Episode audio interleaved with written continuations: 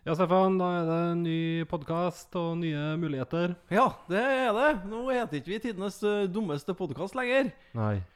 Nå har vi blitt eh, filmmaraton. Ja. Eh, til, som, eh, tilbake som dynamisk duo, som det var for 20 år siden. ja. Er du Wayne eller Garth, du i den duoen her? Tja, nei, jeg har jo alltid følt meg litt mer som Wayne enn Garth, sånn sett, men uh... Ja, Er du Batman eller Robin? Da er jeg i hvert fall eh, ikke Robin. Er du sikker på det? Nei, Vi får nå se. Eh, I hvert fall eh, med den nye podkasten så har vi jo fått oss en ny samarbeidspartner. Ja. Eh, det er Hifi Life. Jaha. Um, de har jo, åpner jo butikken nå på tirsdagen i denne uka her. Det gjør de, vet du. Eh, så da kan du jo ta en tur og kjøpe deg litt høyttalere og hjemmekinoanlegg og forskjellig. Hvor de holdt til hen, dem? De er i Hummelvika, mellom eh, Stjørdal og Trondheim. Ja, så de ligger jo ganske nære den togstoppen, de på Hummelvik. Ja, du kan jo ta toget rett ned dit, du, og ta med deg høyttalere hjemme på toget. Ja visst. Kan du spille så det durer nedpå på tempet når du ser på film neste gang? ja, ikke sant? Kanskje det kunne ha vært en ting? Ja. Uh, nei da, vi får nå i hvert fall uh, oppfordre lytterne våre til å ta seg en tur dit og se hva de har å by på. ja, de har sikkert nettside òg. Det har de, hifilife.no, da, vet jeg. Ja. Og Facebook og forskjellig. Vi skal ikke plugge dem noe mer. De har ikke, får ikke så godt betalt at de får noe mer enn, noe mer enn det her. Det får, det får holde. Eh, ja, nei, men vi, hvis vi er klar, så kjører vi bare intro, vi. ja. Ja, skal vi gjøre det? Ja. Jepp.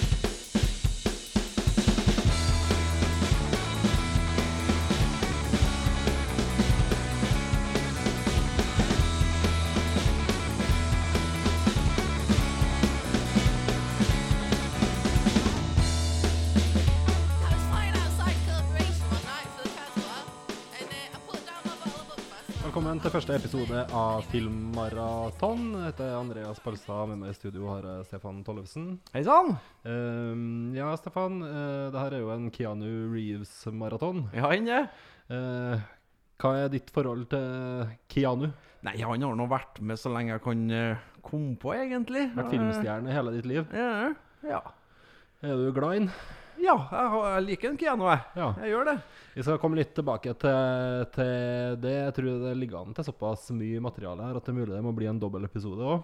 Han har jo spilt i såpass mye, vet du, at jeg tror nok at eh, vi får dele det opp i to. Det er nesten 100 filmer han har vært involvert i i over 30, 30 år, så det er klart at det kan bli langdrygt å høre på det hvis du skal gjennom alt. Men vi får begynne litt med, begynne litt med begynnelsen etter hvert, tror jeg. Men uh, jo, først vil jeg jo høre litt hva du har eh, sett av film i det siste. Jo, jeg har uh, sett film, vet du, og sånn jeg uh, som oftest gjør, da, så ser jeg jo film på Blu-ray hjemme i godstolen. Ja, ja. Og det jeg har eh, sett nå uh, i nyere tid, det er jo den her nye Aladdin-filmen til Ja. Disney. Og den nyinnspillinga som kom nå i, på, gikk på kino i, ja, i vår, tidlig Ja, sommer. ja, Ja. ja. Så den har jo nå kommet ut på Blu-ray og har jo også vært i en 14 dagers tid nå på det her 3 for 200-tilbudet til platekompaniet. Okay. For det har de jo hver uke, vet du, så har de en ny film som er med i en sånn 3 for 200-deal. Ja. Så da vil det jo bare koste en 66 kroner faktisk for en splitter ny Blu-ray, og da slo jeg jo til når Aladdin var på den. Har du fått noen sponsoravtale med platekompaniet som jeg ikke vet om? det skulle nesten tro det, men, men, men nå har jo platekompaniet sendt meg til Hollywood en gang, da, så, Ja. så sånn sett så føler jeg jo at jeg står litt i gjeld til dem alle elsker en god deal. Yes. Yes. Hvordan er denne filmen? Nei, jeg kan starte med å uh, terningkaste. Okay. Og jeg triller en, en, en eh, ren firer. Ja. En eh, g grei firer på Aladdin. Verken mer eller mindre. ja. Uh, og det eh, I all hovedsak så likte jeg den jo. Eh, Originalen er jo en sekser. Den er en sekser. Det er jo det, det som er litt av poenget, at, eh, at tegnefilmen er jo så fantastisk bra. Ja. Uh, og så tar jo denne nyinnspillinga skiller jo seg litt grann ut ifra, fra tegnefilmen, i motsetning til 'Løvenes konge', som da mer er en ren blåkopi av eh, tegnefilmen. Okay. Så, så går Aladdin litt sine egne veier, men samtidig så er det jo alle nøkkelscener, alle sangnummer er og alt sånt der er jo, okay. er jo ting man, eh, man kjenner igjen. Ja. Um, det jeg la mm, kanskje mest merkes til, til å starte med, er jo en uh, Jafar. ja, han er jo så kjekk. Ja! Hvorfor, hvorfor, hva har skjedd der? Der, så Han er ganske annerledes både i stemme og i fremtoning i, forhold til tegnefilmen, men han er jo uh, minst like ond, da. Ja. Så jeg syns han fungerer veldig bra i den, eh, den nye versjonen. Det var, så, jeg husker det var mange som reagerte på det når trailerne og sånt kom, at han var altfor kjekk. Han så Ja. altfor bra ut. Jafar, hele greia her er jo at hun, prinsessa det siste hun vil, er å gifte seg med en Jafar. Mm, og liker en stemmen og fikk mye der han har en ganske sånn Det er jo Nils Ole Oftebro som har den norske dubben. eh, Ja. Eh, og det er jo en eh, helt annen stemme på den skuespilleren som spiller den i, i live action. Det Ganske sånn fløyelsmjuk, men, men veldig sånn eh, ondskapsfull stemme likevel. Fungerer brukbart, eller? Ja, så jeg tommel opp for Jafar. Ja. Og likens så gir jeg òg tommel opp for hun som spiller Jasmine. ja. Ja, hun var veldig attraktiv og funka veldig bra, bra i den rollen. ja. Eh, Aladdin, eh, ja, OK. Han ser litt kjedelig ut. Og det, jeg, Ja, sett, jeg har jo ja. ikke sett den her filmen, men jeg har sett uh, trailerne, og da syns jeg jo at den virker ser litt sånn vet litt, litt kjedelig ut. Mm, så jeg vil uh, Det er Jasmin eh, er en eh, atskillig bedre, funker bedre enn en eh, Aladdin sjøl. Okay. Men det som kanskje er den største snakkisen av eh, skuespillerne til Aladdin, det må jo bli en Will Smith i rollen som en genie. Ja, Det var jo nesten et umulig oppdrag. Det Det er jo en av de mest ikoniske rollene i, i tegnefilmhistorien. Robin Williams sin opprinnelige Ja, Genie. absolutt. Det er jo en kjempebra rolle en Robin Williams gjør der. Som var skreddersydd for han, da, med imitasjoner og med ja, mer en sånn best of av karrieren til Robin Williams pressa inn i 90 minutter. Mm, og, og han eh, improviserte jo masse av, eh, Mm. masse av replikkene og sånn òg. Um, men eh, Will Smith, ja Nei da, det, eh, det fungerer helt OK. Han plager meg ikke. Det gjør han ikke, men eh, ja Uh, det, Han trekker vel ikke filmen verken særlig opp eller særlig ned, vil jeg si, da. OK. Han klarer ikke å nå forgjengeren opp til Nei, ikke knærne heller, men uten at den gjør seg helt ut. Det de gjør i filmen, er jo at man kjører på mye mer med at eh, Genie er et menneske, da. Ja. I stedet for en blå ånd. Eh, det, er jo, det er jo noen scener der ne- er det òg. Um, men eh, nei. Robin Williams er, er noen hakk over, ja. Så vet jeg jo at en av, fan, altså en av fanfavorittene i den originale, det er jo Gilbert Gottfried sin tolkning av Iago. Ja. Den her, eh, den her uh, papegøya-kompanjongen til Jafar. Eh, det var jo ganske kontroversielt, eller det var i hvert fall mange som reagerte på det når Gilbert ikke ble spurt på nytt om Ja. å være med, i, være med i den filmen her. Og jeg tenker at det kunne de godt ha gjort, da. Ja. Eh, han har jo så infernalsk og sint stemmen, Gilbert Gottfried. Det er fryktelig morsomt å høre på den originale dubben, egentlig. Men eh, Anders Hatlo, som selvsagt har, har den norske okay, stemmen, ja. han er jo den eh, alle, alle fugler i Disney-universet, egentlig. Men, men Jago ja, Han fungerte jo. Han var jo bra animert og, og sånn. Men de kunne ha godt hatt Gilbert Gottfried med i med i eh, sånn stemme, ja. Mm. Og så er det òg en, en ting jeg la merke til som skiller seg eh, fra tegnefilmen, er jo at de har gjort en Jago til en eh, i, i en av de sluttscenene til ei sånn monsterpapegøye. Okay. Ja, ja, det er en ganske kul scene så der Jago blir blir stor og stor og sterk og sint. Men for å oppsummere, da, hvorfor har du rulla firer på den? Derfor jeg likte den. Ja. Eh, Men den er jo selvsagt for eh, Du blir jo å sammenligne opp imot tegnefilmen, og det er jo det som er hele greia med filmen, er jo at det skal være en Aladdin-historie som er lagt opp imot eh, tegnefi eh, til, til tegnefilmen. Kanskje hadde jeg likt en Aladdin-film som hadde på en måte tatt historien i mer alvorlig, og kanskje heller tatt ordna en mer sånn seriøs Så Det blir ikke Aladdin-filmatisering. verken fugl eller fisk, på en måte? Ja. det da. Det er det. Det blir Men litt sånn midt imellom. Mm, men samtidig så er det så mye koselige sangnummer og ting man kjenner igjen. Jeg liker jo den her litt sånn nostalgifaktoren som Disney utnytter til det grøvste for tida. da Ja. Så derfor blir det en, blir det en fin firer fra meg på Aladdin. Har du sett den Lion King-varianten òg? Ja, den Ja. så jeg på kino i sommer, og den, eh, Den eh, får nok en femmer av meg. Den er bedre. Den er bedre, ja. Ja, den jeg syns jo både 'Jungelboken' og 'Skjønnheten og udyret' har vært solid. Ja, eh, jeg har eh, 'Løvenes konge' og 'Jungelboken' som mine favoritter. De er nye Disney ja. live-actionene. Og så ble jeg nok kanskje litt skuffa av udyret' Ikke noe jeg, da. Eh, Nei, men den, den er en firer også. Okay, den den ja. er litt sånn Aladdin, men jeg hadde vel kanskje forventa litt mer. Jeg hadde høye forhåpninger til den, og så skuffa den bitte litt. Ja. Ja. Jeg har òg sett uh, film. da Jeg var på kino nå i, i helga, på premieren til Joker. Oh, spennende.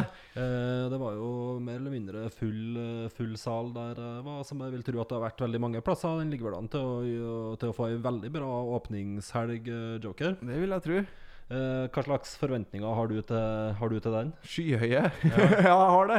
Jeg tror den er Jeg tror jeg kommer til å like den kjempegodt. Og ut ifra de anmeldelsene jeg har sett altså Den har jo fått eh, litt blanda, men det er jo enkelte som er oppå sekseren her og, og kaller det en av årets beste filmer. Og det tror jeg utvilsomt at det er. Eller om Jeg skal, kan, komme litt tilbake til hvor god jeg syns den, eh, syns den er, kanskje, men at det, at det fort kan bli stående igjen som den filmen som blir huska best fra 2019, kan det fort være. Ja.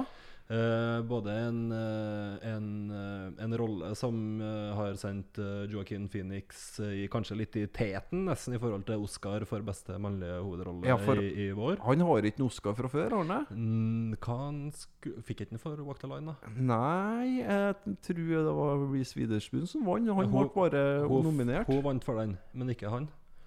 Eh, ja, han burde jo hatt fem, da. Ja. Kanskje den beste mannlige skuespilleren vi har i, i Hollywood i dag. I hvert fall én. hvert fall helt soleklart én av dem. Uh, og, og klart at den filmen her er veldig tydelig en, en showcase for han, og et, et one man-show på veldig mange måter. ja. All, han er med i alle scener i, i filmen, og, og ja, filmen er rett og slett bygd opp, bygd opp for han. Mm. Eh, eh, hvor mye vet du om hva den handler om? Jeg har jo fått med meg at det er en eh, psykisk syk mann, egentlig. Plages eh, og får ikke noe, den hjelpa han trenger av samfunnet for øvrig. Og burde bare føler seg mer og mer utstøtt. Og så etter hvert så fin- finne sin hevn, eller eh, et eller annet sånt. da Ja, og det er vel det, det, det er riktig, det. Og det vil jo si at man i store deler av den filmen her sitter og ser på en psykisk syk mann som kommer nærmere og nærmere stupet, på en måte. Ja.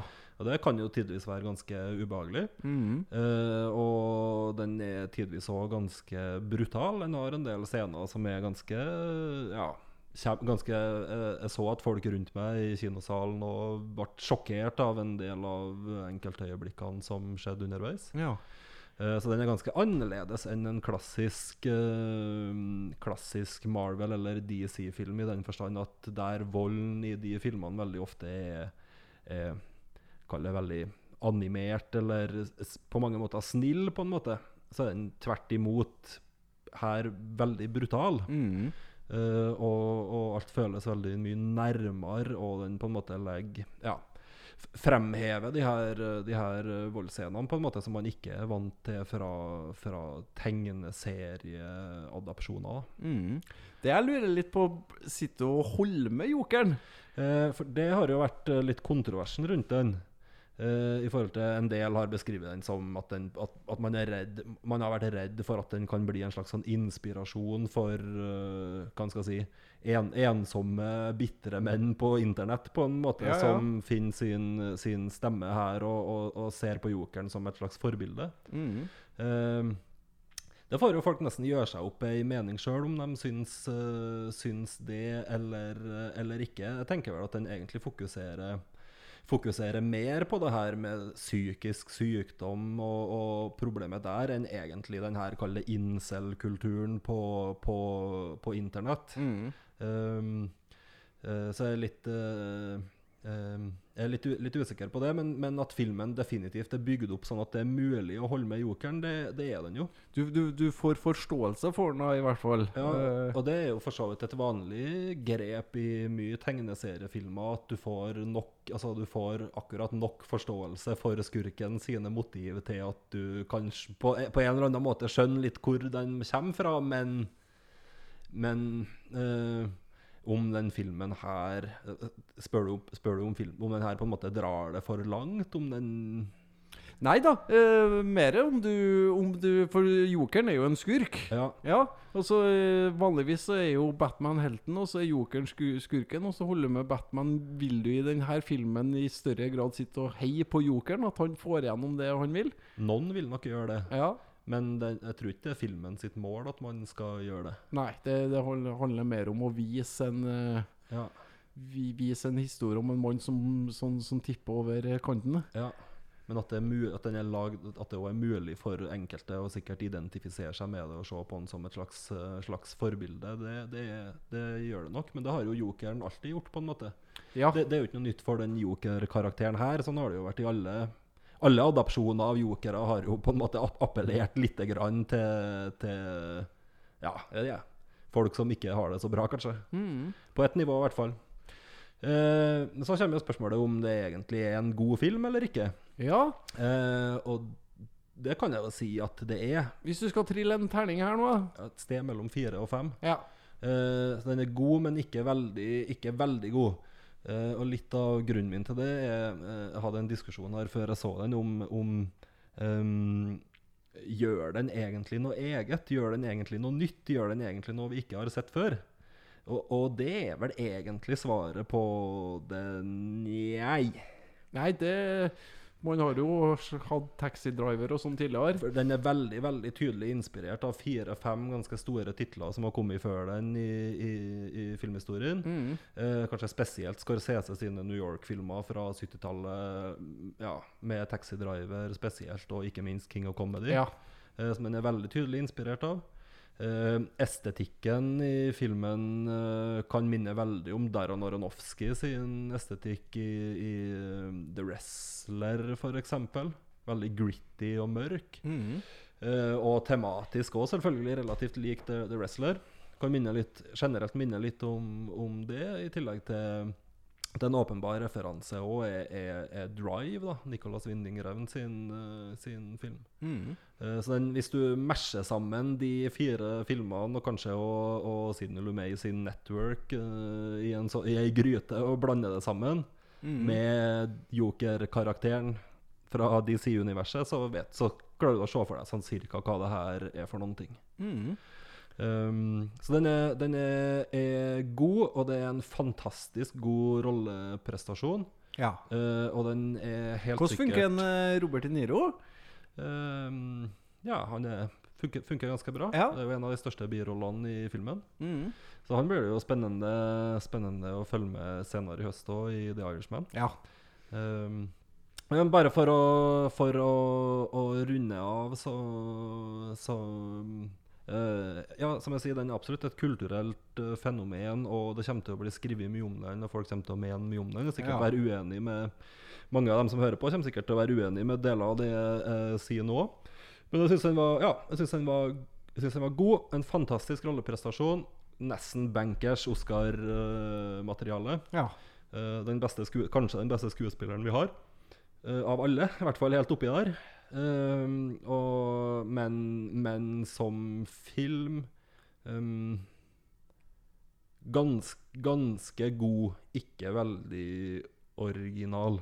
Men hvis du skal begynne å måle mm, Det er jo flere som har spilt Joker nå opp igjennom. Ja.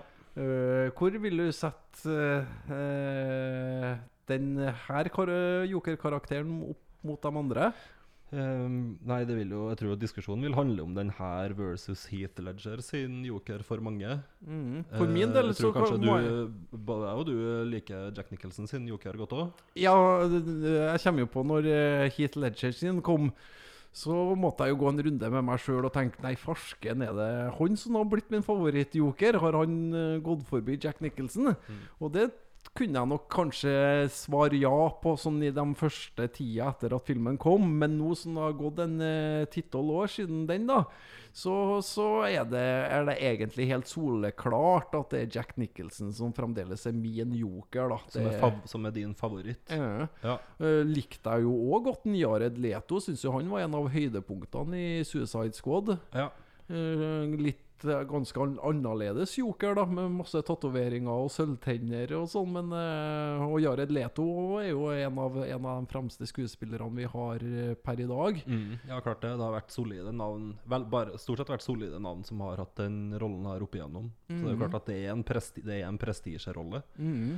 Og at, eh, og at eh, helt sikkert, eh, helt sikkert uh, Joaquin Phoenix i tolkning vil bli stående som målt opp mot de, de andre, og kanskje da spesielt Heath Ledger, siden og at det er Ja. den som ofte er fremst i hodet til dagens kinopublikum. Mm. Um, så Men får folk nesten gjøre seg opp ei mening om uh, sjøl når, de, eh, når de ser det. Jeg syns vel eh, både eh, både Nicholson og Ledger og, og Phoenix sine tolkninger er veldig gode. Mhm. Um, Phoenix sin er ubehagelig, Ja. for å si, for å si det rett ut. Og så er det vel, som jeg har forstått, det er vel den joker-karakteren som er på en måte mest menneskelig. Ja, men samtidig, så fort, så fort han kommer til det punktet i filmen der han er joker, på en måte, så kjenner du jo veldig tydelig igjen den. Ja. Det er, fort, det, du ser veldig, det er fortsatt veldig tydelig en DC-joker som, som er der. Mhm. Den har ikke noe koblinger sånn opp imot andre DC-filmer, den her. Eh, den foregår jo i Gotham.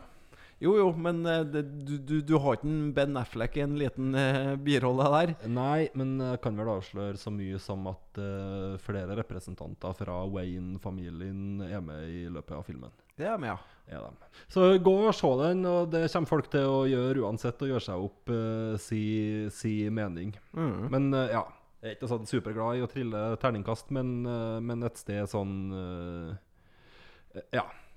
Veldig sterk firer, eller litt svak femmer, et eller annet sted rundt der, tenker jeg at den får av meg. Ja. Så tror jeg nok sikkert mange kommer til å trille høyere terningkast Ja. enn det òg, og, og den, den kommer til å bli stående som en slags moderne klassiker. Jeg blir vel å se den på Blu-ray og den kommer vel ut på nyåret en gang, tenker jeg. Ja, Du klarer å holde deg så lenge? Ja da, det må gå bra, det. One small thing. Yeah. When you bring me out, can you introduce me as Joker?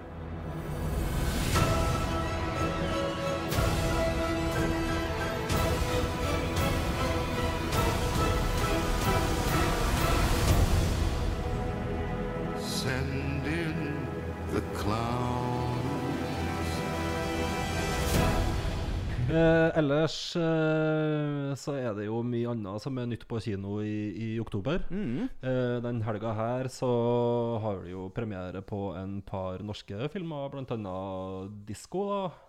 Ja. Uh, hun, Nora fra Skam, det. ja, hun uh, kaller seg jo bare for Josefine Frida nå, Ja. Uh, som et kunstnernavn. Hun, den filmen her hadde jo verdenspremiere i Toronto og, og fikk veldig gode anmeldelser der av dem som så den der. Mhm. Eh, og særlig hun får jo mye skryt for denne rolletolkninga. Har du fått med deg noen ting om hva den handler om? Det jeg har fått med meg lite grann. Eh, Det handler vel Hun er vel noe sånn eh, eh, medlem i noe frikirke. Ja. Eh, Og er vel nå en ganske god danser, så vidt jeg forstår. er vel det som Ja. er litt, litt greia her. Eh, så det, det er jo et uh, hun, hun Regissøren heter Jorunn Myklebust Syversen. Uh, hun har jo snakka litt om den og sier jo at den, den, det er et ønske fra hennes side om å skildre en, et miljø som man kanskje ikke så ofte har sett på filmer, som er de her frikirkemiljøene i, i Norge. mhm. Så det, det er jo flere av de her Skam-skuespillerne som har fått sine egne filmer eh, på kino. Vi har jo han eh, Isak. Han Ja. var, hadde jo den der en affære med hun Andrea Breien Havik. Ja, og likens hadde vel hun eh, Battle var vel en med hun eh, Eva. Eh, ja. Og hva heter hun? Jeg husker ikke hva skuespilleren heter. Lisa Teige. Lisa? Teige, ja. ja. ja. Eh, og, og jeg tenker jo at det her er vel kanskje den jeg har mest lyst sjøl til å se, da. Ja, jeg tror kanskje at den litt sånn, eh, dessverre, kanskje litt ufortjent, kommer til å bare drukne fullstendig i Joker den helga Ja. her. Og så får vi kanskje håpe at den klarer å få et publikum litt uh, utover høsten likevel. Mm. For det tror jeg, her tror jeg at det er en film som kan være interessant for, for folk å, å se, da. Mm.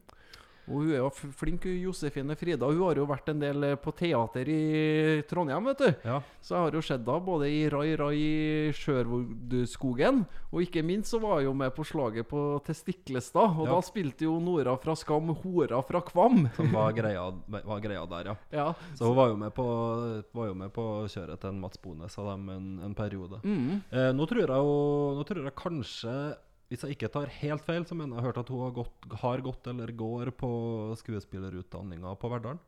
Oh, ja. Eh, så hvis, hvis du hører på Josefine, så vil vi veldig gjerne ha deg som gjest. kan du komme kom og være med oss og fortelle, fortelle mer om, om eh, disko. Eh, ellers så har jo den her Nikolai Astrup-filmen premiere nå i, i helga. Mhm. Eh, eh, biografifilm om kunstmaleren Astrup. ja. Eh, som òg er en relativt stor norsk, norsk produksjon, så vi får tro at en del går og, går og ser etter hvert. da Ellers er det jo neste helg, da, den 11. oktober. Da kommer det jo en norsk uh, film. En komedie av uh, Stig Frode Henriksen. Ja, det er det der uh, swingers-filmen, det. Ja, Han har lagd den sammen med en som heter for Andrejs Ekis, som er et ukjent navn for, uh, for min del. Men Ja. han sjøl kjenner vi jo fra mye Kill, ja, ja. Kill Buljo og det der. Ja, den, den, ja de komediene, komediene der. Her er det jo Zaid Ali og Morten Ramm og Evy Kassett Røsten og litt forskjellige andre norske skuespillere som, som er med. Det virker som ei sånn litt lettbeint uh, Ja, lettbeint komedie fra swingers, swingersmiljø. Foregår den i Trondheim òg, den? Ja, den foregår i, i Trondheim. Mm, det så sånn ut på traileren, i hvert fall. At Ja. det var noe Nidarosdomen og Lerkendal stadion og sånn med. Ja, og, og Torget og, og så videre. Olav Tryggvason Ja, ja. var, var filma der i noen droneshots, ja. Mm. Um, så trailer for den før uh, Joker, og det var brukbar humring i, i salen uh, der, eh, der Jeg så den, men uh, ja, vet ikke, vet ikke så veldig mye mer, mye mer om den. Eh, men eh, det er en del forventninger til den. Ja. Eh, så det blir, kan bli interessant. Ellers så kommer jo Gemini Man neste fredag. ja, ja, ja, den med Will Smith, det. Ja, det er Ang Lee sin nye film der Will Smith spiller mot Will Smith. Ja. Um, har du sett noen trailere av den? Nei, jeg har bare sett litt eh, bilder og plakater sånn av den, og det er jo en eh, Jerry Bruckenheimer-produksjon, her. Ja. Lagd av Ang Lee med Will Smith og Will Smith. Ja. Uh, så det er jo um, Will Smith som skal prøve å drepe Will Smith, og Will Smith som skal da prøve å komme, han- seg, komme seg unna Will Smith. Han møter på en yngre klone av seg sjøl, eller noe sånt. Det er ikke det som er Han er på en måte sånn- Han er verdens beste leiemorder, hvis jeg har forstått det riktig. Eh, og så er det noen som får behov for å drepe han, da. Ja. Og måten de gjør det på, er å klone En yngre utgave av en han. yngre utgave av han, som jakter på han.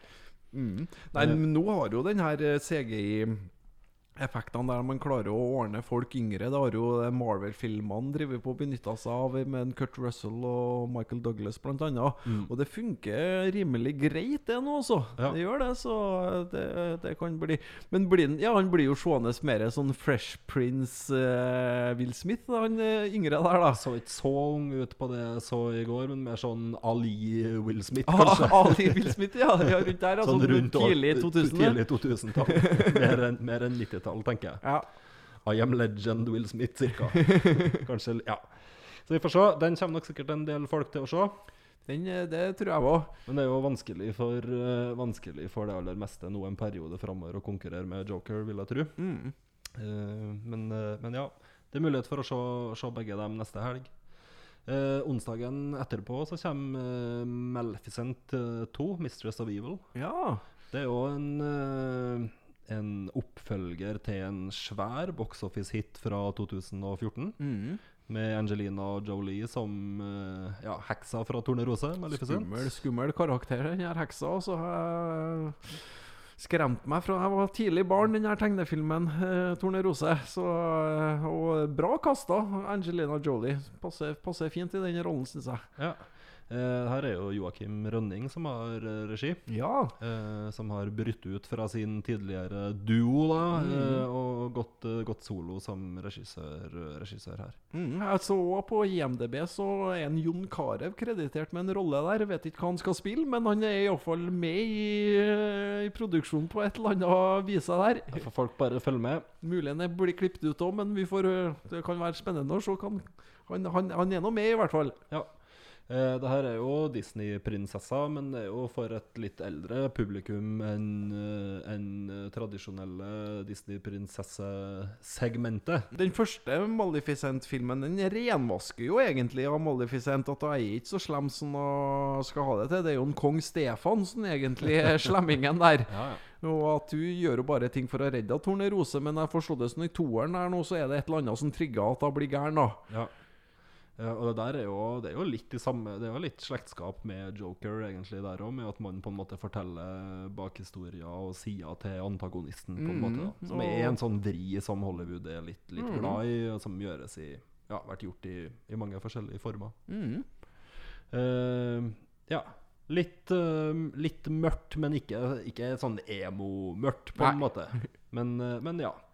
Eh, kjem, den første var som sagt en kjempestor hit. Det er vel ikke noen grunn til å tro at den her ikke skal dra mye folk ut på, vet du, på, ki, på kinoen. Det vil jeg tro at den kommer til å tjene inn sine penger det. Og morsomt er det jo at vi, det begynner å bli ganske mange norske regissører som hadde filma den på kino nå i 2019, altså. Så det er, det er bra, det. Ja, det er bra, det. Vi er- får, vi får heie, heie litt på dem. Mm, nå er nok en Rønning der åpenbart en litt sånn studioregissør som på en måte gjør den blir bedt om av studioet. Så han hadde jo den der um, Pirates of the Caribbean Så du nummer den fem. Pirates-filmen deres? Jeg har ikke orka å se den ennå, Uh, men, men, men det er jo åpenbart at det er jo en film som som studioet har sittet og kalkulert for å tjene inn, inn mest penger. Men eh, allikevel så syns jeg det, det er kult også at eh, nordmenn, nordmenn eh, gjør det godt i Hollywood. Ja. Uh, kanskje ikke Ja, jo, nei, men ja. Enig. Enig i det. Eh, så da har dere litt eh, oversikt over hva som kommer til å røre seg på kino de neste ukene. Eh, oppfordrer folk til å gå ut og støtte sin lokale kino. Ja Jo, jeg gjør jo det, jeg òg, sjøl om ikke jeg er så ofte på, på, Nei, kino sjøl. det får være kinoalibiet her. Du, du ser vel ingenting hvis du ikke kan få det på Blu-ray. Uh, men det er for så vidt greit, eh, Stefan. Eh, Jeg tror vi skal gå videre til det som er hoveddelen av denne uh, podkasten. Ja, jeg kaller det altså filmmaraton, og vi har jo hatt et filmmaraton. vi har hatt det.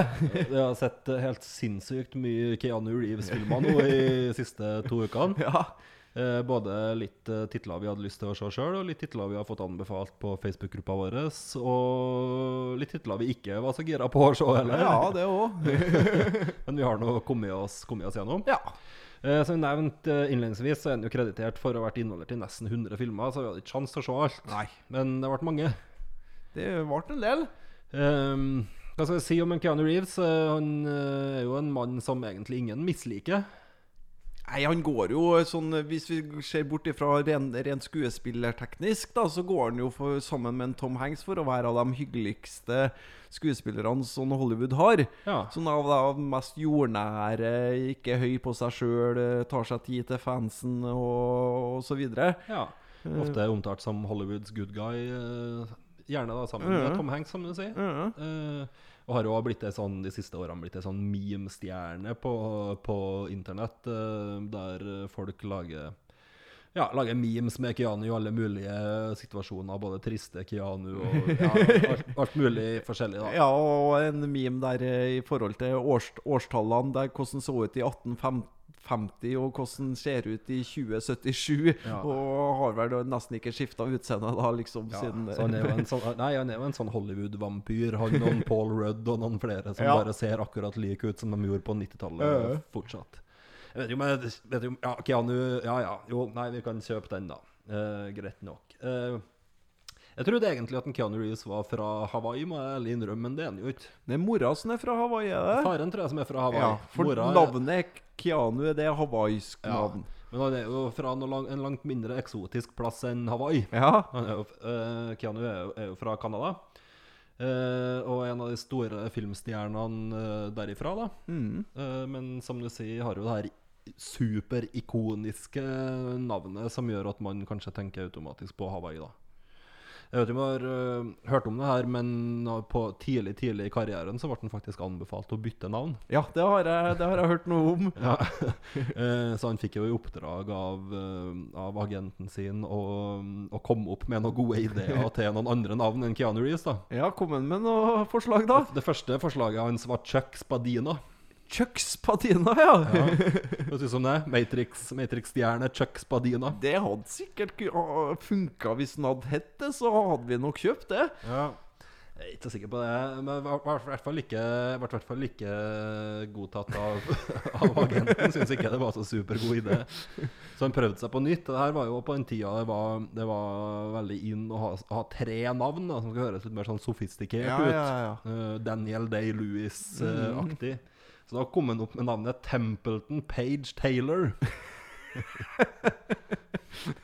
Som eh, et forslag. Eh, det ble jo heller ikke egentlig noe sånn kjempesuksess, så jeg ble vel enig til slutt om at Keanu fungerer helt fint. Og jeg tror at mye av suksessen hans ligger litt i det navnet, og at det er så gjenkjennbart og lett å huske, på en måte.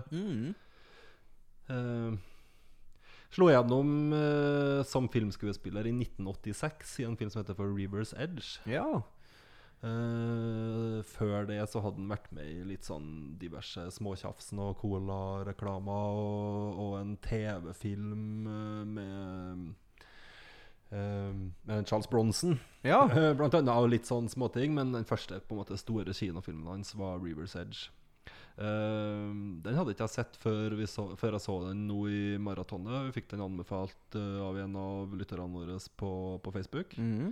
Så jeg fant jo den. Uh, Det er jo um, Keanu Reeves og Crispin Glover og Dennis Hopper som er de tre store rollene En god trio der, er da. en bra miks av, av forskjellig type energi, kan du si, kan du si her. Um, og er en, eh, det er jo en dramafilm. eh, omtale. Det er jo et eh, ungdomsmiljø her, et high school- et high school-miljø der um, det er en, en ung gutt som Ja, som dreper ei jente i denne, i denne gruppa. Og resten av de her ungdommene på en måte driver og, driver og diskuterer om de skal gå til politiet eller ikke, eller hva, de, hva de skal gjøre for å, å løse det her. da Ja. Den norske tittelen er 'Tause vitner', som beskriver for så vidt greit Ja. det som er Umiddelbart så minte jeg meg litt om det første kvarteret på I Know What You Did Last Summer, men eh, den, jeg antar at den ikke utvikler seg på samme måte som den, da. Nei, den, den, den gjør jo ikke det. Den, eh, men den eh, Keanu gjør en uh, ok, okay rolle her, og filmen er, er showverdig, den. Uh, Dennis Hopper, kan spille han da? Nei, Han er jo som du tror han er, da. Både Crispin Glover og Dennis Hopper har jo helt sånn vanvittig, vanvittig energi i denne filmen. Crispin Glover uh, vet ikke om han skal, skal forestille at han er på amfetamin, kanskje, eller noe sånt. I hvert fall veldig sånn slitsom og overspiller jo litt òg, som Crispin Glover gjør Ja, ja. By, by nature. Ja ja, det, Eh, det, skal det være. ja. Og Dennis Hopper er, er, er Dennis er nå Dennis Hopper. Ja. Men i hvert, i hvert fall er den gjengen her som, eh, som er med i, i Rivers, eh, Rivers Edge Noen eh, vil jo mene at det her er en av de aller beste filmene til, til Keanu. Det kan jo folk se sjøl, men det er definitivt verdt å ta en, en kikk på. Mm. Det er, jo ikke en, det er jo ikke en veldig stor produksjon, men det er jo klart at det Eh, en kinofilm som gjorde det ok på, okay på kino i, i 1986, og som Premisset høres jo kult ut, for så vidt. ja, og minner jo om en del andre, en del andre filmer som er lagd eh, etterpå. etterpå. Mm. Eh, basert på ei, I hvert fall delvis basert på ei sann, sann historie, visstnok. Ja. Eh, men eh, det store gjennombruddet til Keanu kom vel likevel noen år etterpå, i Bill and Teds Excellent Adventure. ja. Hva kan vi si om den? Den kan vi nå si mye om, for så vidt. Ja, Eh, 1989. Ja, den er jo regissert av en fyr som heter Steven Herrick. Ja. Han har jo òg stått bak eh, gode filmer som eh, Critters. ja. Så eh, mye, mye 80-tallsfaktor 80-tallsfaktor på han. Ja, ja. Ehm, Ja. øh, det jeg egentlig la merke til når jeg så igjen Bill og Ted nå, er jo at fader rullan hvor irriterende Bill og Ted er. Det er ganske slitsomme, slitsomme typer. Veldig slitsomme. De er jo ikke artige heller. Men øh, jeg, for, for, for min del så er Bill og Ted sånn Ja, den kommer jeg på som kul, det, for at den, den er så herlig 80-talls, da. Og, og drar den ganske langt ut på, på å være cheesy. Ja. Uh, så når jeg ser nå, da kom jeg på at det tenkte jeg når jeg så den sist òg, som kanskje var en fem år siden, at faen, den er ikke så bra, Bill og Ted, men så går det et lite, lite halvår igjen, så får jeg lyst til å se den igjen, da, for jeg Ja. kommer på den som sånn kul, og det, det, det er veldig fin produksjonsdesign på den, og og jeg liker, liker måten den ser ut på, da, men, men som tidligere nevnt, de er jo fryktelig irritable, de her eh, toene vi skal sitte og heie på. Ja, for De har lyst til å bli rockestjerner, men hvis de stryker historie på high school, så går den planen i vasken. Det er jo plottet. Ja. Eh, og, men de får hjelp. Altså, det er fra framtida. Ja, det gjør de. eh, og får muligheten til å reise tilbake i tid og hente på en måte kjente personligheter fra verdenshistorien da, til å Ja. være med dem på Jeg har nå notert meg litt hvem de får å hente, hente opp fra historien. Ja, Og da er det jo Det er jo ikke småfolk de har med seg. Neida. Det er jo en, eh, Blant annet så er det Napoleon, ja, Sokrates, Ja. Jean d'Arc, ja, eh, Genghis Khan, ja da. eh, Lincoln, Beethoven, Ja. Freud og eh, Nei, og, og, og det, det, det jeg la merke til, at det, det, er jo ingen av dem som legger inn noe særlig protester med å bli med inn i framtida. Nei, de syns, de syns det er spennende å bli, å bli kidnappa. De gjør det, og de, de holder seg rimelig, rimelig greit, altså. Ja. Eh, og, men, og kanskje den delen som egentlig fungerer best, på mange måter, det er jo den delen når de på en måte har kommet tilbake med alle til nåtida og er på det her kjøpesenteret i byen de bor i, og du får se på en måte hvordan de her his karakterene fra historien på en måte interacte med et sånn moderne, moderne USA. ja. Det er jo bare, det er jo bare tøys og tull, eh, det òg, men det er kanskje den mest underholdende delen av filmen. ja, og, og så den aller siste, altså selve eksamen deres, da. Så den, den siste halvtimen syns jeg jo for så vidt er ganske underholdende, mens den første timen kan jeg være eh, enig med deg i at den er jo litt repetitiv og, og egentlig ja, svak konflikt, for å si det sånn. da de, Det går ganske bra. De, de, de har ikke så store utfordringer, de her to, egentlig. Det går egentlig ganske greit. Og, og, og så er vel selve i, I forhold til at, at de, får, de må bestå eksamen, da, og grunnen til at det er viktig at de består eksamen, for de får jo òg hjelp fra fremtida der. Og det er vel fordi at Bill og Ted en gang i tida kommer til å lage musikk som ordner fred på jorda. Ja. Det er jo litt av, litt av grunn, grunnprinsippet i den filmen her, da, at eh, Bill og Ted kommer til å bli viktig da, for, eh, for jordas fremtid. Den fikk jo en oppfølger, den her. Ja, Goes to Hell, var det? Nei, den heter vel Bo Bogus Journey, men de, de, de, da drar de til helvete. Ja. eh, I, i toeren. Mm. Så jeg vet jo Jeg tror folk som er la oss si ti år eldre enn oss, tror jeg har et veldig nært forhold til den her sånn veldig som et sånn oppvekstminne fra 1980, 1989. Mm. Og jeg hører jo at du har det òg gjennom at du har Når fikk du VHS-en av Bill Ted? Jeg så vel eh, den Jeg kjøpte, hadde den aldri i VHS-samlinga mi, men jeg lånte den nok av min onkel sånn på tidlig 90-tallet. Ja. Uh, og har jo og sånn, sånn, jeg, sånn jeg tidligere nevnte her, om et halvår nå, så kommer jeg til å tenke på at ja, Bill Ted den, For, for det, er en, det, det er en, en del kult med den også. Men jeg tenker jo bare tre-fire år etterpå så kommer jo Waynes World, som Ja, for så vidt er- egentlig ligger vårt hjerte mye nærmere. Mye nærmere, og som det- står seg så veldig mye bedre, iallfall når det kommer til at det er, faktisk er morsomt, da. Ja. Tror du Waynes World opprinnelig var laget som en slags parodi på Bill Ted? Sikkert, eh, sikkert iallfall litt inspirert av det. det nå starta jo det som Saturday Night eh, Live-sketsjer, men ja. helt sikkert eh, For jeg har tenkt, tenkt litt på den dynamikken dem, dem imellom da når jeg så Bill og Ted. Eh, Så kanskje mer nostalgi for folk som vil se den igjen, enn at den egentlig er så fryktelig god. Ja. Eh, Men det kickstarta definitivt karrieren til Keanu. Var en kjempe, kjempehit Mm. eh, i 1989. Eh, etter det så fikk han jo Han var, spilte jo i en, eh, i en um, film av Gus van Sant som heter My Own Private Idaho, sammen med River Phoenix. Ja, de var vel gode kompiser på privaten òg, De de. var vel best, bestevenner, dem. Uh, River Phoenix fikk jo ikke et sånn spesielt langt, eh, langt liv. Han døde jo tre år etter, etter at den filmen her ble, ble lagd. Mm. Men den er jo regna som et sånn, kall det kunstnerisk høydepunkt, i hvert fall i den tidlige karrieren til Keanu. Mm.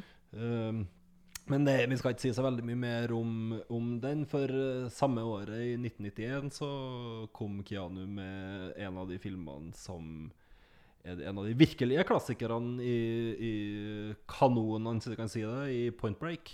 Ja. Eh, hva kan vi si om den?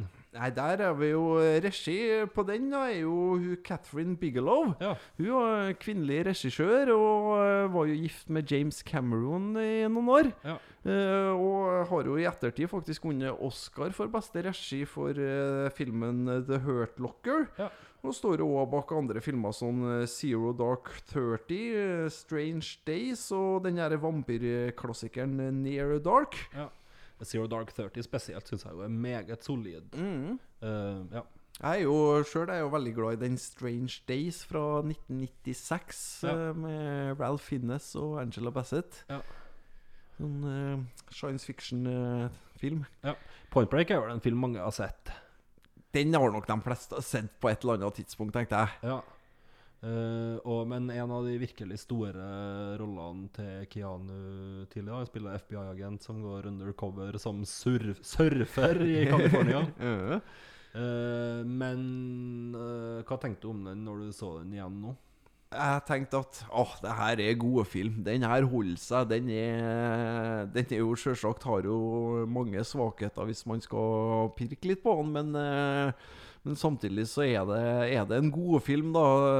Særlig takket være Patrick Swayze som han er eh, surferen Bodie. Ja. Eh, og kanskje, men den der skuespilleren jeg liker aller best, er jo en Gary Bushy. ja. Han stjeler jo den scenen, scenen han er med i, syns jeg, og som han ofte gjør i de filmene han er med i. ja. Uh, over the top så det holder. Ja, og Keanu blir jo I den tidlige karrieren til Keanu Så blir han jo veldig tydelig matcha opp med sånne, sånne gærninger. Sånn.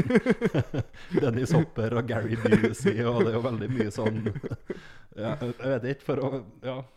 Kanskje fordi han har en så veldig laidback energi sjøl, så får han ofte med seg en eller annen En som, som har flust, da. som, er, som bare Ja, som er over, over the top, som du sier. Uh.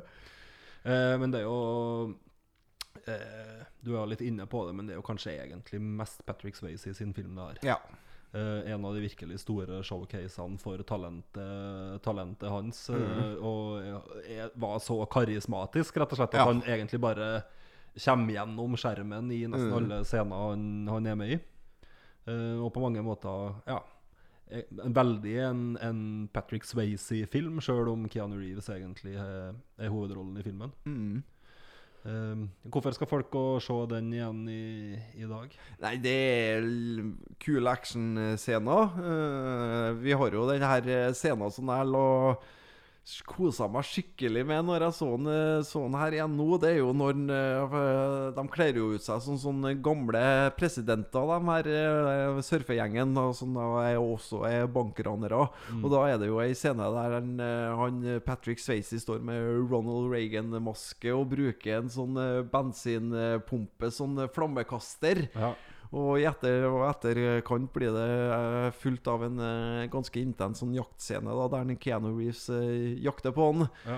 Og, og, og hele filmen er jo full av sånne der gode scener. Sånne gode actionscener som er ja, over the top, og så for det meste Og avslutninga på den scenen der når Keanu jager på han og, og ender opp med å ikke ønske å skyte Ja. han når han har på skuddhold, men heller tømme magasinet sitt opp i, opp i, i lufta, det er jo parodiert uh, en, en million ganger. nær sagt. Og kanskje det mest kjente bildet fra den, den filmen. Uh. Nei, så Nei, den, eh, det, det er en film som er i, i syklusen. Som kan ses hver femte år på eller noe.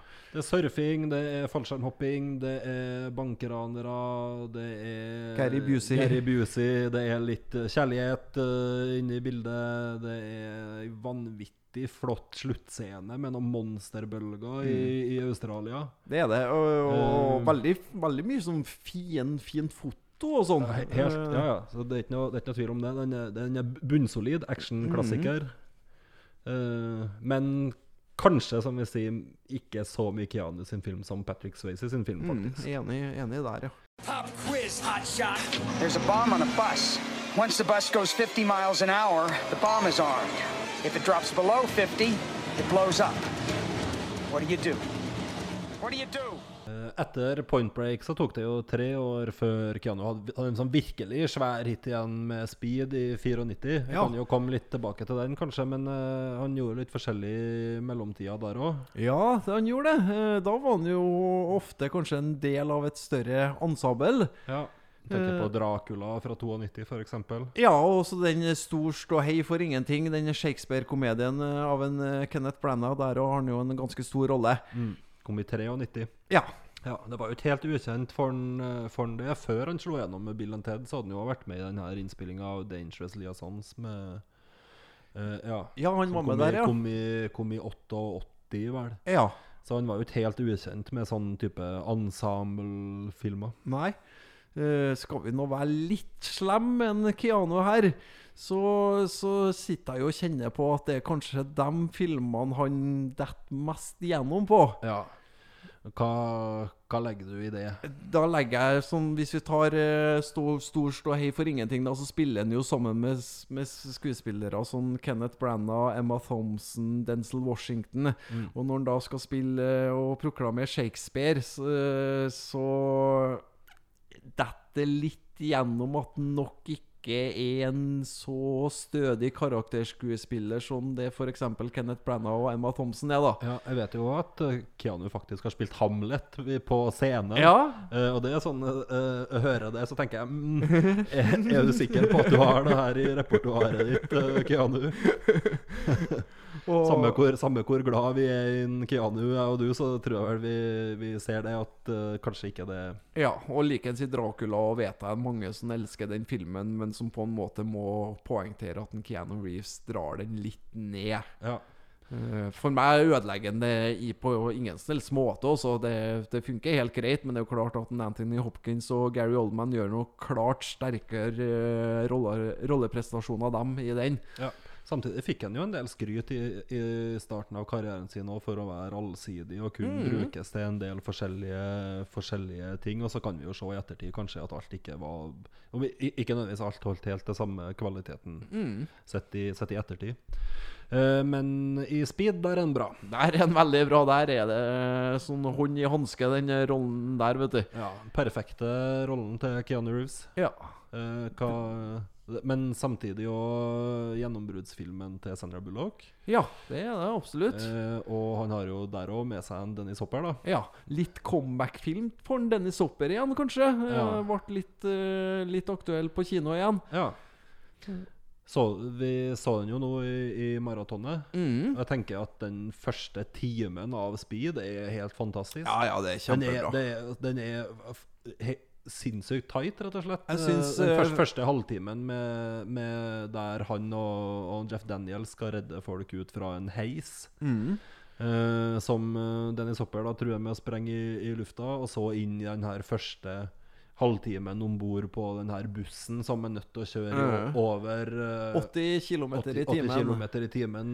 Ellers så, så har Dennis Hopper sin karakter ordna det sånn at den sprenger. Mm. Så mister den kanskje litt tempo siste tre kvarterene. Ja, det, er eh, når det, det, det er litt den her, den her togscenen som er på slutten, den føler jeg er litt unødvendig. Ja. Og jeg ser jo eh, når jeg leser meg litt opp på den, at det var en scene som egentlig ikke var med i manus. Nei. Men som de skrev på i ettertid da, for å få filmen eh, De så at de, de hadde råd til å kunne, kunne ha den litt lenger, da. Så Det føles litt som i Conner. På en Ja. måte Du har den her påklistra actionscena etter at filmen egentlig er ferdig. Ja, jeg tenkte akkurat på den samme scenen sjøl da jeg så det. At det, det er sånn når John Malkovich tar den ekstra Den runden brand, med brannbilen.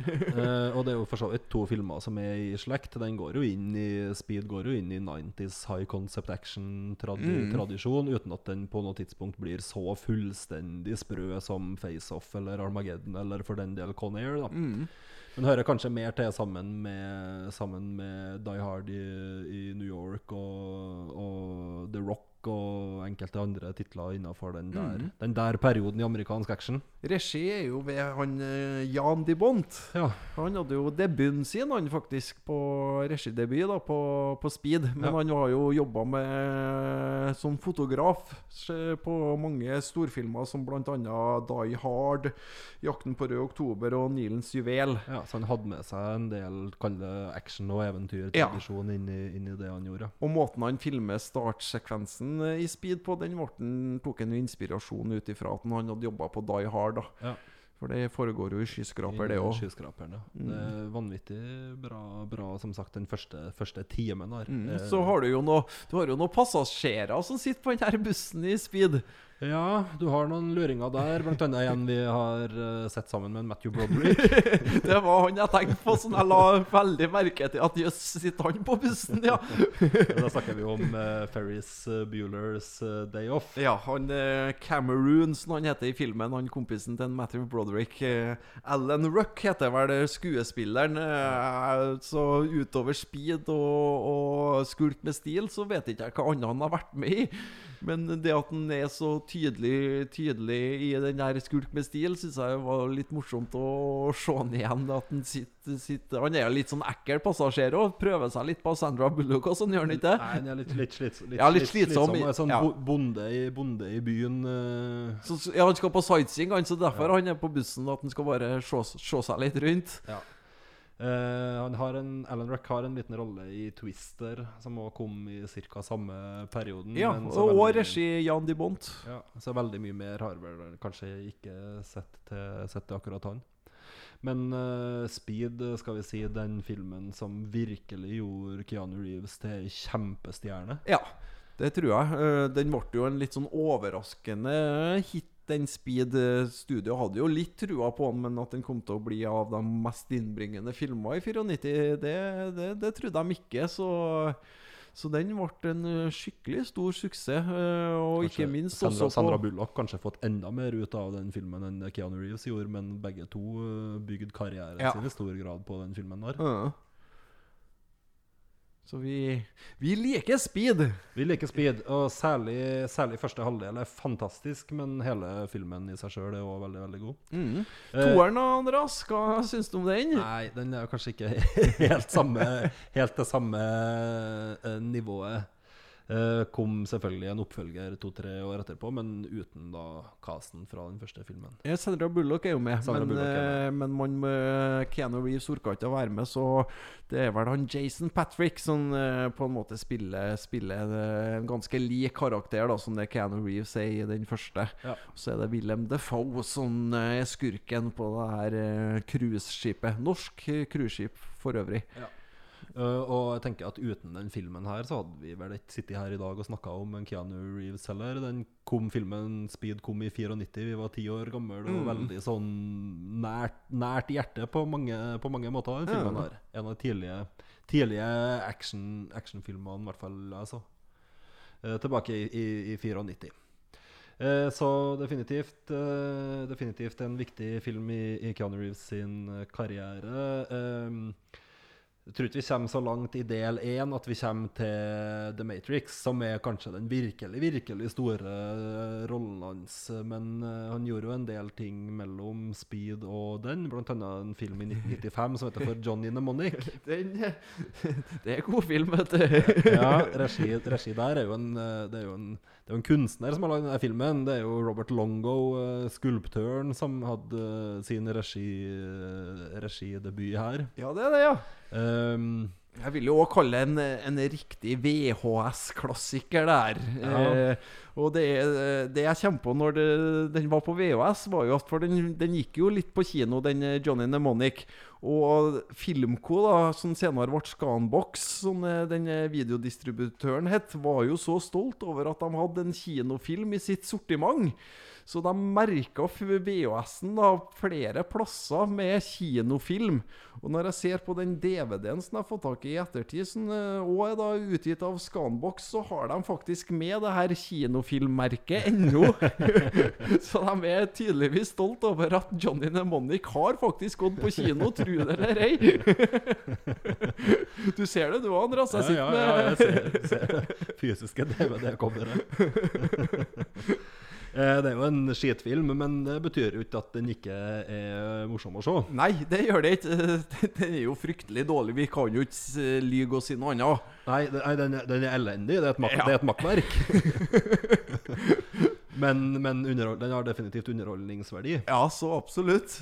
Uh, den prøver seg jo på Den er jo, den er jo beskrevet som en cyberpunk-klassiker. Ja. Uh, og prøver seg jo på noe slags sånn blanding av internettkultur og sånn Mad Max-aktig estetikk, egentlig.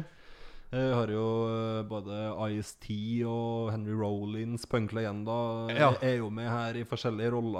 Og, og, Og de lever jo i et sånt miljø der, der det, de holder på å operere datachipper og sånn i seg sjøl. Det er en Ja. fyr som kaller seg Spiderman, som styrer det der, og sånt.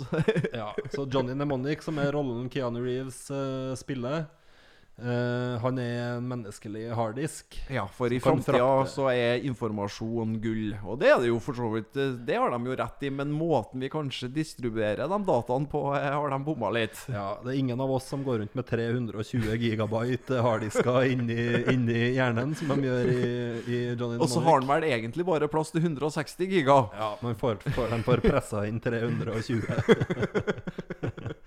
Så Johnny kjemper jo en kamp mot klokka her. Det er mange som vil ha tak i informasjon som er inni hodet hans. Ja, Um, For han får vel å bære rett og slett på en kur, han på en sykdom som har eh, bredd om seg i framtida. ja, The Black Shakes. Ja, som kommer av at det er så mye elektronikk i luften. Ja, og som er en slags sånn blanding De ser, ja, det, det er jo en interessant del av den filmen her. Alle de her anfallene som folk får når de har det black shakes, men også som Johnny sjøl får når han får sånn informasjonsoverload.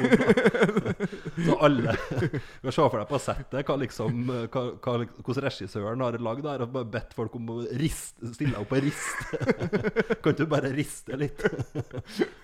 Som er ganske Ja, ganske, ganske komisk. Og så har du jo en eh, karakter eh, til i den filmen her sånn, eh, sånn for min del drar opp underholdningsverdien mye, da. Ja. Og det er jo den godeste Dolph Lundgren i rollen som en sånn gatepredikant. Ja.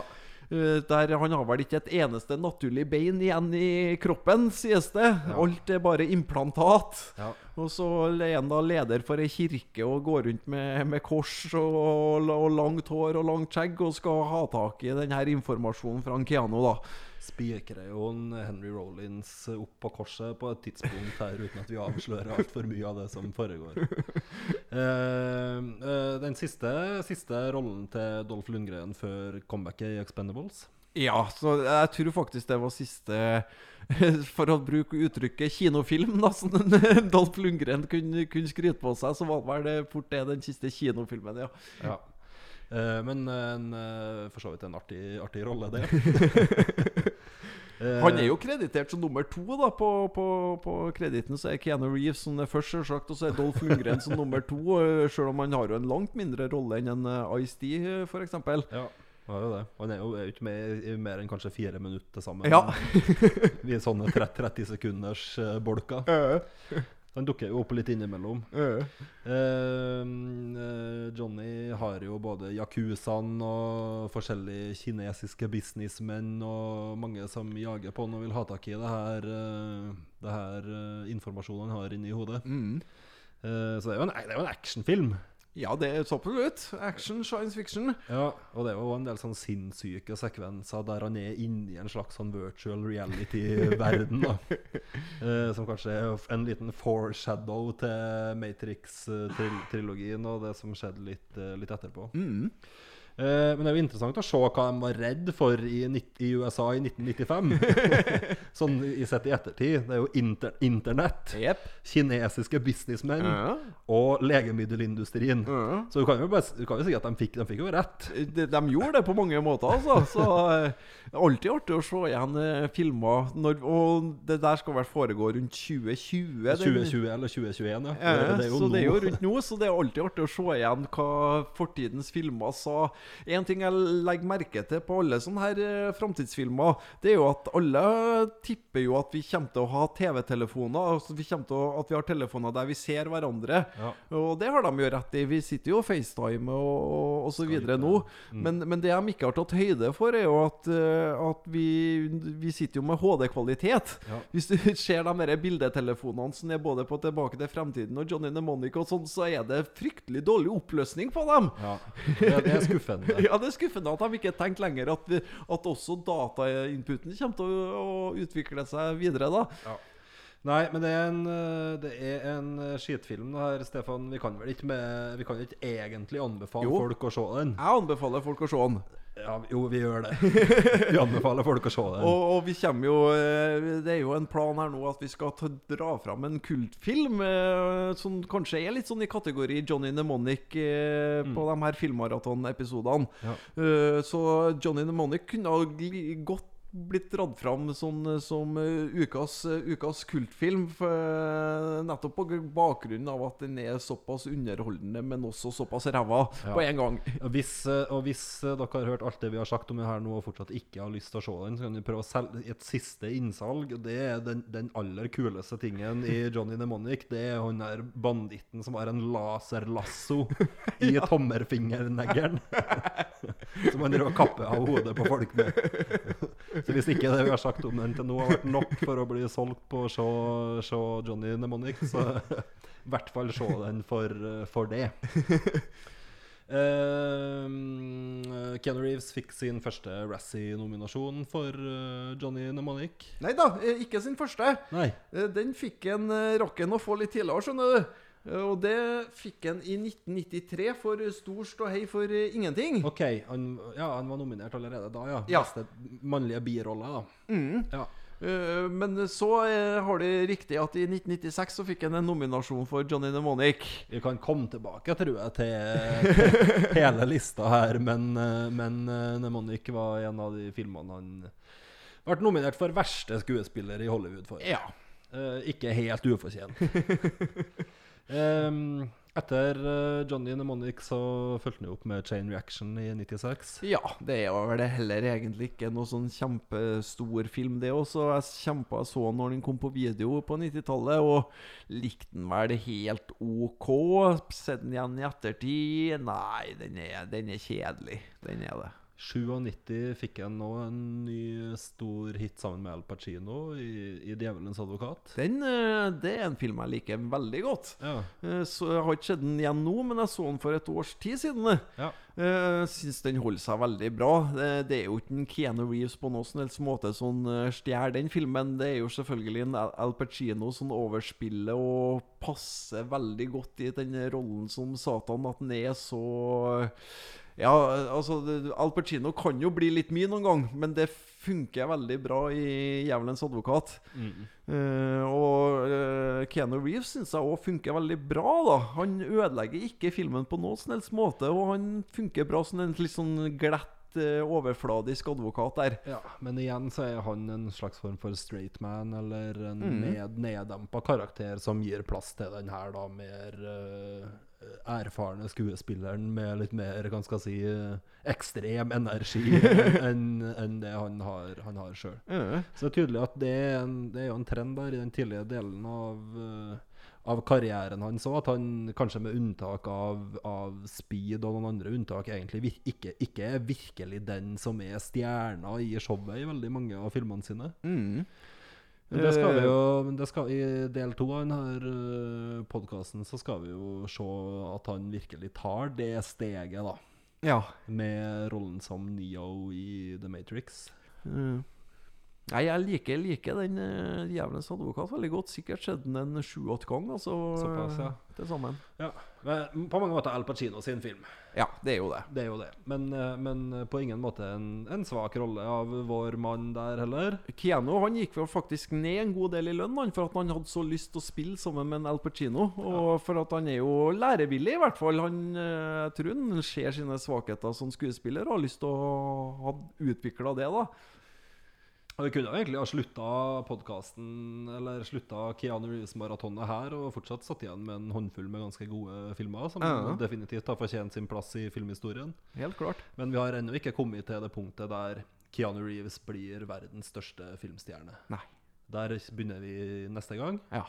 Eh, nå skal vi runde av det her første filmmaratonet ganske snart, men før vi gjør det, så har du tatt med en kultfilm du har lyst til å anbefale til oss. Ja da. Eh, Jeg sitter jo og bruker jo en del av tida mi jeg, vet du, til å se litt sånn der eh, skitfilmer eller litt merkelige, merkelige filmer. Ja.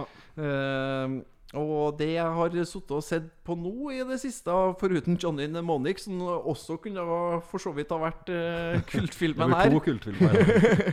Så den jeg, den jeg har, med meg, har med meg nå, det er en, en film fra 1994 som heter for Street Fighter. ja, den har jeg sett, faktisk. Det er jo med Jean-Claude van Damme, Yes. og er jo da spilt inn i den verste kokaintida til en van Damme. Han eh, var visst helt håpløs å ha med på settet, eh, regissøren, som er da er en kar som heter Steven E. Di Sousa. Eh, Regidebuten hans. Han måtte jo da eh, filme, filme scener som egentlig ikke var tenkt å filme den dagen, fordi at en, uh, van Damme var litt, litt opptatt med å snorte sine striper før han kunne komme på settet og sånn. Og, sånn, eh, og, at, og, og likens var det at han bare gikk derfra uh, i sinne. Han regissøren her, da, han er jo en ganske kjent kar i Hollywood. Eh, han har jo da skrevet manuset til filmer som Die Hard, 48 timer og Kommando, så, så han var et veldig stort navn på manusfronten på 80-tallet. Med solide titler. Mm, og så fikk han da muligheten til å regissere sin egen film eh, i 1994. Han har da ikke regissert noen filmer i etterkant. og eh, hvis vi skal Jeg gikk på IMDb for å sjekke hva folk syns om Street Fighter, og der ligger han faktisk med en rating på hele 3,9. Ja. Det vil da si at den ifølge IMDb faktisk er kåra som den 93. verste filmen i, som noensinne er laga. Det syns jeg var veldig, veldig strengt, altså.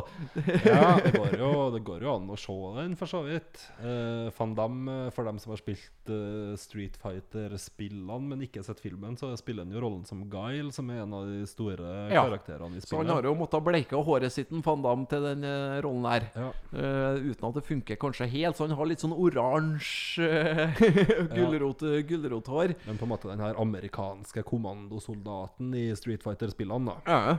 Har du spilt noe mye Street Fighter? Spilte ganske mye Street Fighter 2 når det kom uh, back in the days. Ja. Runda det noen ganger på de her gamle arkademaskinene. Hvem var din uh, Spilte ball- favorittkarakter? Balrog. Balrog, ja. Ja. Min Eh, favoritt- Boks, altså bokseren. ja. Min favoritt var jo en eh, Blanka. Ja, og han er jo en av hovedpersonene i denne filmen. Det handler jo veldig mye om Blanka sin utvikling. Jeg snakker om det her grønne monsteret i Street Fighter. så han er jo eh, eh, Vi har jo han godeste Raul Julia, som er en veldig god skuespiller. Mm. Som spiller han godeste Bison, sjefsskurken. Bossen i spillene. Mm, og han tar jo en del sånn tidligere mm, eh, militær sånn eh, gissel. Og da er jo han som da etter hvert blir blanka, blir jo tatt som gissel der. Og, og grunnen til at han blir blanka, er jo for at han driver på å utføre litt sånn eksperiment for å ordne den eh, ultimate supersoldat som den Bob Bison har tenkt å ta over verden med, da. Ok. Ja, Enkelt og greit. Eh, Det var jo siste filmen til den Raul Julia, det her. Så jeg, jeg vet ikke om jeg sjøl hadde vært fornøyd med at det var hans ettermæle, på en Nei. måte. Spørs det, da. og ellers eh, har vi jo Kylie Minogue òg, vet du. Er med, i, er med i Street Fighter. Og hun eh, spiller jo eh, karakteren eh, Cammy. Eh, Det er vel hun som er i blå kjole der, da, som holder på å ha litt høye, høye, høye spork der.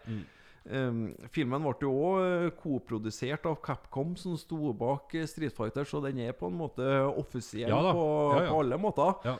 Eh, Men det, ikke, men det er vel ikke den første dataspilladapterte filmen som har gått i dass? De gjorde vel det, Og de fleste ikke, og på kanskje, ikke, 90-tallet. kanskje ikke den siste heller.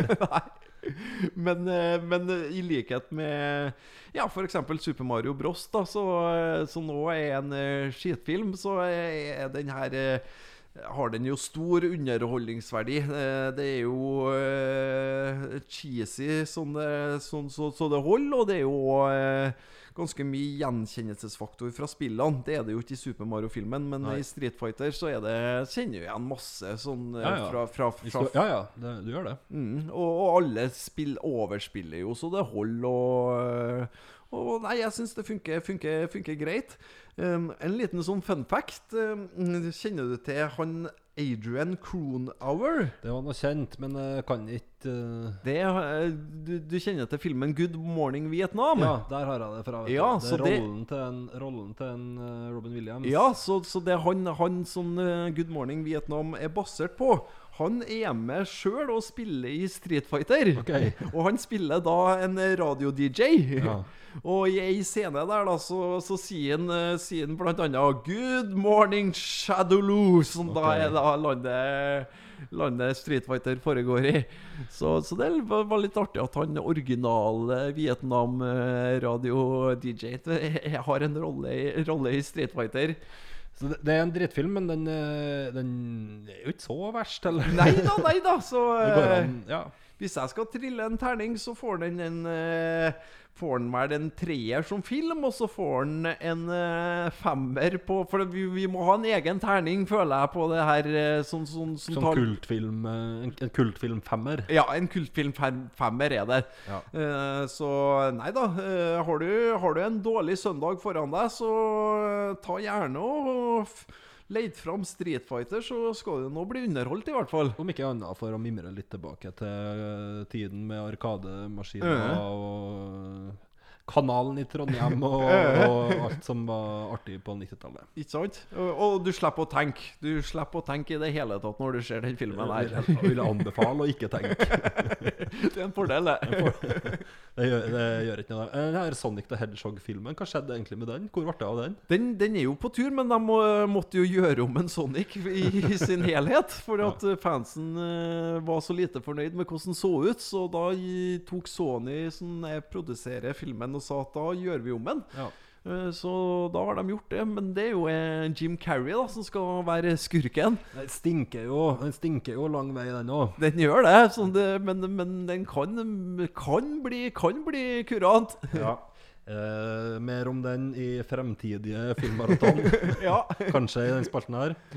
Eh, ja, nei, men skal vi runde av første filmmaratonet, da, Stefan? ja, vi får gjøre det. Og så får vi fortsette litt med Keanu Reeves i neste episode, tror jeg. Ja, da er det som sagt Matrix som er på programmet, og så skal vi se litt på hva han har gjort i nyere tid òg. Mm. Og så har jo du i denne episoden snakka litt om hva som eh, kommer på kino. Og i neste episode så har jeg tenkt å snakke litt om hva som eh, kommer på Blu-ray og DVD. Ja, det får være din jobb, så, som sagt.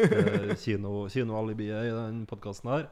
Eh, ja, vi har ei Facebook-side folk kan gå inn og se på. Mm. Der legger vi ut ganske mye greier, faktisk. Ja da, det, det kommer ut øh, flere, øh, flere ting i uka der, kan gjøre. Så gå inn og lik den, og kommenter, og vær aktiv. Og vi leser det dere, vi leser det dere skriver, og vi hører på det, hører på det dere eh, skriver til oss der. Så absolutt. Ja. Nei, men da sier vi det sånn. Eh, vel overstått eh, episode én. Ja. Eh, ja. Vi er tilbake da med del to av Keanu Reeves-maratonet om ikke så altfor lenge. Ha det bra! Ha det.